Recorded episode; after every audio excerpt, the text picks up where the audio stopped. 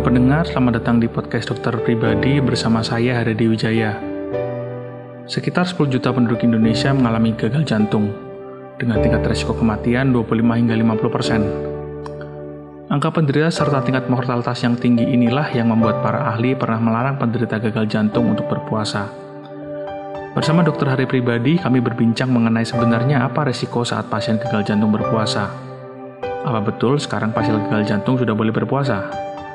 Serta kami juga berbincang mengenai temuan baru yang menyatakan bahwa puasa ternyata berdampak sangat baik bagi kesehatan penyakit jantung. Mari simak perbincangan kami.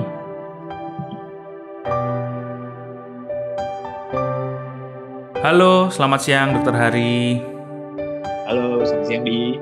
Bagaimana kabarnya nih? Lama nggak berjumpa di podcast dokter pribadi. Ya, sibuk di tengah COVID nih. Betul, betul. Ya, masih di tengah COVID ini. Tengah COVID, tengah pandemi. Tapi ada yang spesial ya di sekarang ini, Iya. yaitu Ramadan di tengah COVID. Bener, bener. Suasana yang sangat berbeda mungkin buat teman-teman kita yang Muslim maupun sebelum non-Muslim juga suasananya berbeda sekali. Biasanya kan Ramadan ini kan rame ya dok ya, rame. Iya, Ada tarawehan, tarawehan.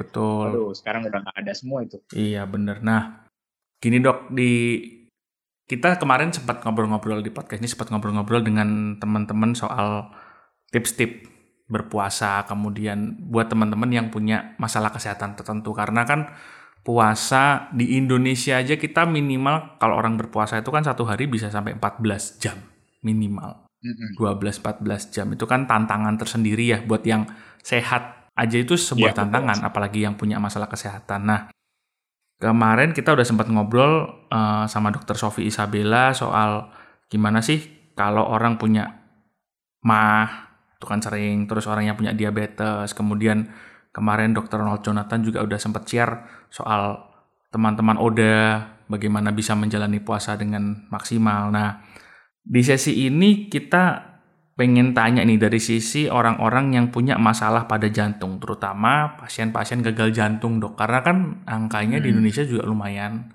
Ada pertanyaan juga dari pendengar kita, dok. Kalau pasien gagal jantung nih, kita ada masalah sama jantung ini, terus gimana kalau puasa, dok? Boleh nggak? Karena puasa kan lama.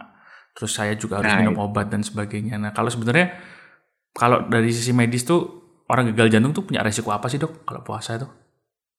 Oke, jadi eh, buat orang awam terlebih dahulu ya. Mm-mm. Jadi gagal jantung itu adalah kondisi di mana jantung itu mompanya udah menurun. Jadi kalau kita itu harusnya pompa jantung itu kan dalam kondisi optimal dia bisa mengalirkan darah yang lewat ke jantung ke seluruh tubuh. Nah, kalau orang dengan gagal jantung ini pompanya sudah lemah. Akibatnya ya kemampuan dia menghantarkan darah untuk ke seluruh tubuh itu jadi berkurang. Nah, ini merupakan suatu masalah khususnya untuk orang yang berpuasa. Bahkan sebetulnya dahulu-dahulu para ahli itu mengatakan bahwa sebaiknya orang dengan gagal jantung itu tidak berpuasa. Hmm. Tapi ternyata kaum muslim itu merupakan eh, populasi yang cukup banyak di seluruh dunia ini. Hmm. Maka banyak dari mereka yang tetap ingin beribadah. Dan masalahnya khususnya untuk di negara Arab Saudi itu kelompok-kelompok para ahli di bagian jantung itu mengatakan bahwa berat sekali untuk orang berpuasa di Arab Saudi dengan kondisi itu kan kalau puasa tuh dari matahari terbit ya sampai Ya. matahari terbenam. Hmm. Nah, dan di Arab Saudi itu cukup panjang tuh, kurang lebih kadang-kadang 14 sampai 16 jam. Hmm. Nah, masa-masa seperti ini itu akan berkondisi eh, membuat kondisi pasien-pasien gagal jantung itu bisa rawan mengalami hal-hal seperti ini. Misalnya ya, Hmm. eh, pertama kondisi gagal jantung itu kan isi dari jantungnya sendiri itu harus optimal. Karena kalau isi dari pembuluh darah itu cairannya tidak optimal, misalnya kurang, Mm-mm. itu jantung akan semakin kepayahan untuk dia memompa. Karena Hmm. isinya kan kurang Ya. tidak ada yang dipompa. Nah, sedangkan kalau kelebihan dari cairan itu akan mengakibatkan jantungnya itu kan akan bengkak. Orang dengan gagal jantung itu jantungnya bengkak. Hmm. Akibatnya darah itu yang harusnya dipompa ke seluruh tubuh, dia tidak bisa dipompa ke seluruh tubuh, ngebendung di jantung. Akibatnya Hmm. balik dia. Kan darah itu eh, kalau kita ingat dulu zaman kita SD itu belajar ya, Hmm. itu darah dari seluruh tubuh itu masuk ke jantung, dialirkan ke paru dulu untuk mendapatkan oksigen di situ, baru masuk lagi ke jantung, lalu ke seluruh tubuh tuh. Iya. Nah, kondisi di mana gagal jantung, darah yang terbendung saat dia akan mengalirkan ke seluruh tubuh itu dia akan menjadi aliran balik atau kita sebut backflow. Nah, akan terjadi bendungan di aliran yang harus menuju jantung. Nah, jadi paru-parunya itu akan terisi cairan, akibatnya pasiennya sesak. Nah, apa korelasinya dengan orang puasa? hmm Jadi begini, kondisi yang tadi kan ada dua ya, satu kekurangan cairan, satu kelebihan cairan. Ya. Yeah.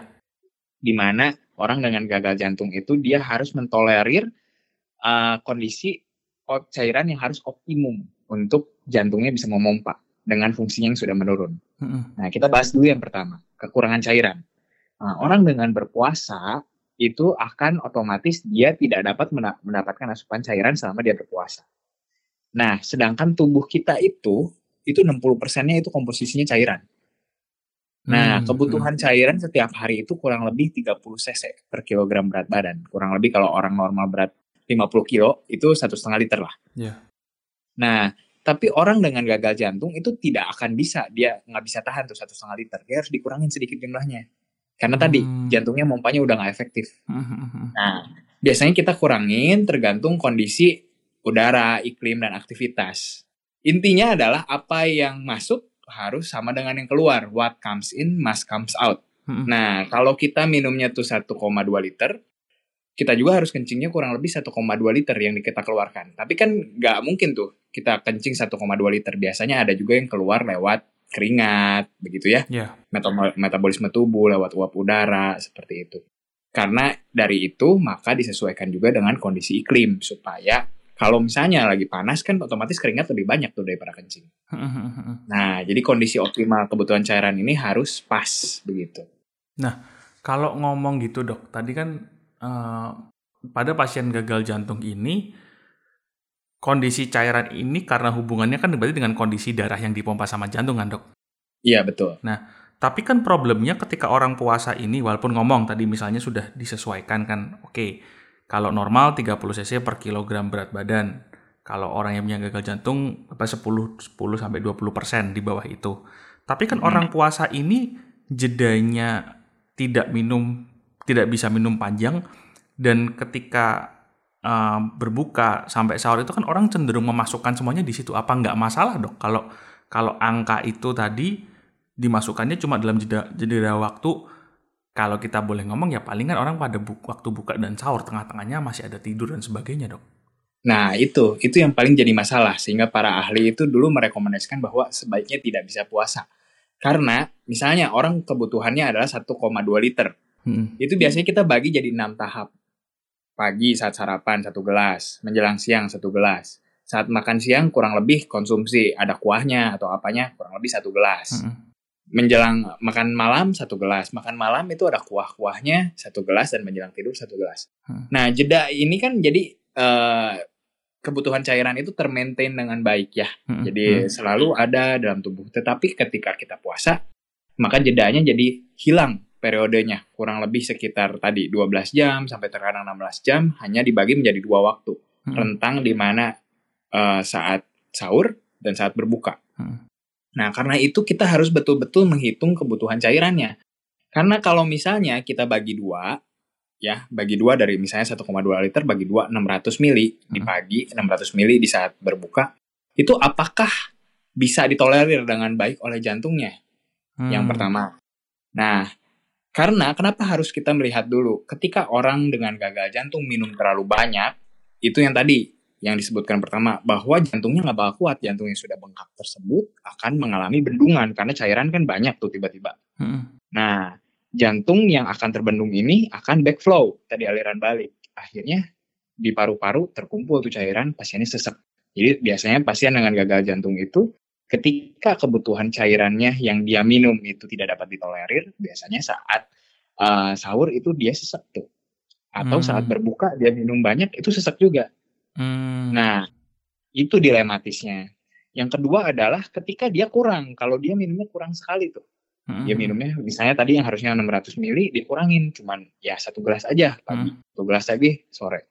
Akibatnya di tengah-tengah hari di mana cuaca iklim panas begitu, biasanya sudah jam uh, eh, 4 sampai jam 6 sore tuh matahari udah mulai turun, aktivitas habis uh, pol-polnya kita gitu kan, habis hmm. bekerja atau apa, tekanan darah eh, di situ turun karena isi cairan tidak cukup. Hmm. Jantung nggak ada yang bisa dipompa karena darahnya cukup. Akhirnya tensinya drop begitu. Pasiennya kadang-kadang bisa sampai pingsan, berkunang-kunang, dan itu berbahaya juga. Hmm, ya ya ya ya. Berarti tetap tetap dengan ukuran yang istilahnya disesuaikan, tapi juga harus dibagi rata antara waktu berbuka sampai sahur itu berarti dok ya? Tidak boleh langsung karena kan orang um, gimana ya secara natural ketika orang habis puasa seharian kan haus kan buka tuh pengen minum banyak kan gitu. Itu nggak boleh sebenarnya dok ya kalau untuk iya betul. Jadi harus misalnya kebutuhannya 600 ml nih hmm. dia akan uh, mulai sahur jam 5 pagi tuh. Hmm biasanya dia minumnya secara gradual dulu. Misalnya mulai dari jam 4 dia minum satu gelas sedikit. Terus dia di maintain seperti itu. Dia ada jedanya waktunya. Dan dicari kebutuhan cairan yang optimum. Hmm. Ya, ya, ya, ya, ya. Saat berbuka pun demikian. Jadi ketika dia berbuka jangan langsung minum tiga gelas. Begitu jangan. Minum dulu misalnya satu gelas sedikit. Terus jeda satu jam minum lagi. Sampai kebutuhan cairannya terpenuhi kembali. Hmm, ya ya ya ya ya, memang, uh, tidak boleh rakus lah kalau boleh saya ngomong ya. Iya, betul. Orang gagal jantung itu yang pertama itu, tidak boleh rakus cairan, tapi tidak boleh juga kekurangan cairan. Mhm. Hal yang kedua juga kalau misalnya kekurangan cairan itu, uh, aliran darah ke ginjal pun akan menjadi sedikit. Sehingga jantung yang memompa darah udah lemah, aliran ke ginjal sedikit, tambah nggak ada lagi yang dipompanya kan.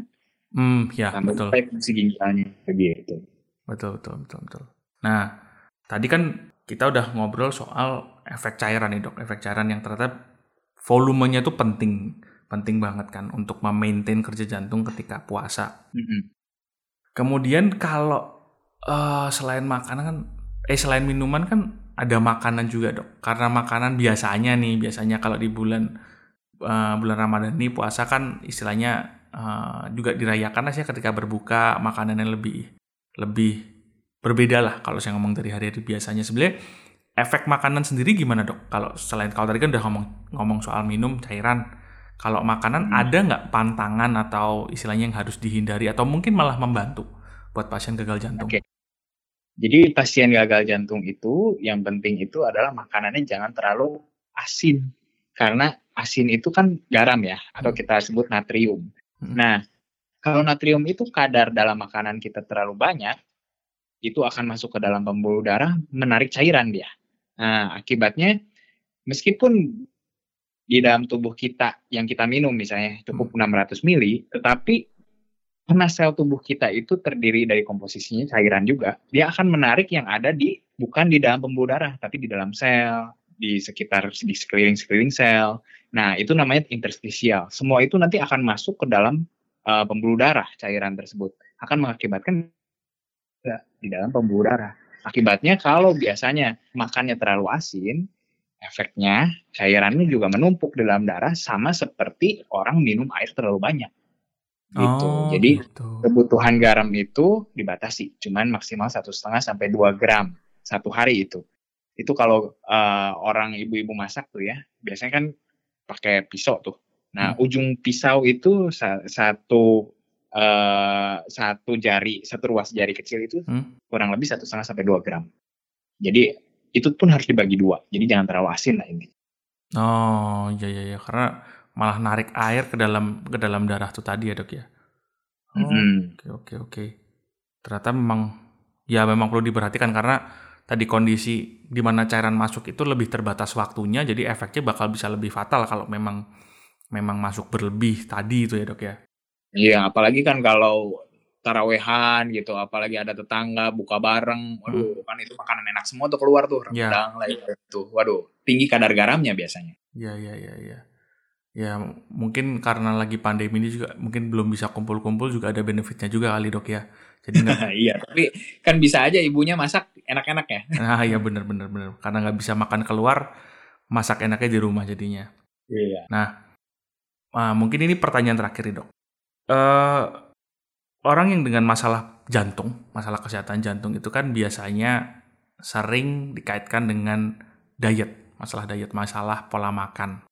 Nah, sebenarnya kan kalau kita tahu kayak berpuasa ini kan bukan cuma ajaran di Islam aja ya, hampir di semua agama. Setahu saya sih di semua agama ada ajaran soal berpuasa karena puasa ini dipercaya memang sebenarnya membantu apa ya, membantu mengatur metabolisme tubuh kita, istilahnya ya, menjaga betul. kesehatan. Nah sebenarnya ada nggak uh, pengalaman atau studi yang menunjukkan bahwa bahwa puasa ini punya efek loh sama orang yang punya masalah gagal jantung? Ya, jadi uh, ada beberapa studi yang mendukung untuk fasting atau berpuasa ini dilakukan pada pasien jantung. Kenapa? Karena pertama itu pasien gagal jantung, biasanya penyebab gagal jantung terutama di dunia ini adalah koroner. Hmm. Dan biasanya koroner itu adalah top of the iceberg atau uh, puncak dari gunung esnya. Hmm. Biasanya itu terjadi diikuti dengan penyakit-penyakit lain terlebih dahulu, diabetes, obesitas, hipertensi, kolesterol tinggi dan itunya semua yang di bawah itu semua berkorelasi dengan apa yang kita makan atau diet kita. Hmm. Nah, jadi kalau gagal jantung itu adalah di ujungnya hasilnya.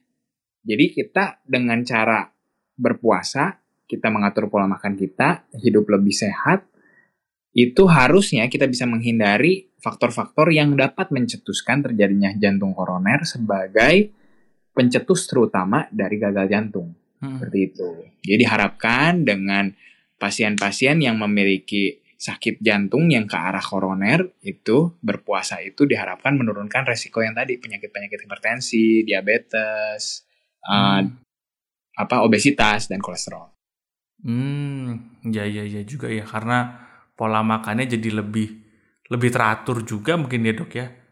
Iya betul. Lebih teratur terus kayaknya mungkin kalori defisit juga ya kalori defisit pada orang-orang dengan obes dan kolesterol tinggi itu penting. Iya iya iya iya iya ya. ya. Berarti sebenarnya kalau memang dijalani dengan maksimal dengan sesuai sesuai dengan uh, kondisi yang sudah sudah dicek dulu berarti kan harusnya tetap oh kondisinya oke okay nih buat puasa jalankan puasanya sebenarnya bisa membantu berarti kalau gitu ya dok ya iya betul dan khusus untuk pasien dengan gagal jantung puasa di hari-hari pertama sebaiknya diawasi oleh dokter keluarganya masing-masing. Jadi seperti yang hal tadi yang simpel saja, apakah kebutuhan cairan cukup, apakah di jam kurang lebih jam 4 sampai jam 6 sore itu terjadi tekanan darah yang turun, jadi harus dicek tekanan darahnya. Seperti hmm. itu. Hal-hal yang simpel yang kadang uh, terlewatkan kalau misalnya orang yang berpuasa dengan gagal jantung ini tidak mengedukasi dirinya sendiri. Oke. Okay ya semoga lewat sesi kita ini bisa teredukasi kalau mungkin bukan pasien gagal jantungnya yang mendengarkan mungkin temannya anaknya saudaranya ini bisa akhirnya tahu berbagi informasi jadi saudara-saudara kita yang mungkin punya masalah gagal jantung itu tetap bisa berpuasa kok secara maksimal. Iya, dan menunaikan ibadah ya. Iya, betul. Oke, mungkin kira-kira begitu Dokter Hari. Terima kasih iya. untuk waktu dan sharingnya di sesi ini. Semoga Ramadan kita yang di tengah pandemi ini menjadi Ramadan yang berkah buat kita semua. Amin. Untuk Anda yang ingin bertanya lebih lanjut mengenai topik sesi kali ini atau mengobrol dengan tim dokter di podcast dokter pribadi atau bahkan ingin menyampaikan saran mengenai topik-topik yang ingin dibahas di sesi-sesi selanjutnya, sapa kami di Instagram karena sekarang podcast dokter pribadi punya akun Instagram di @dokter.pribadi.official. Sekali lagi akun Instagram kami ada di @dokter.pribadi.official.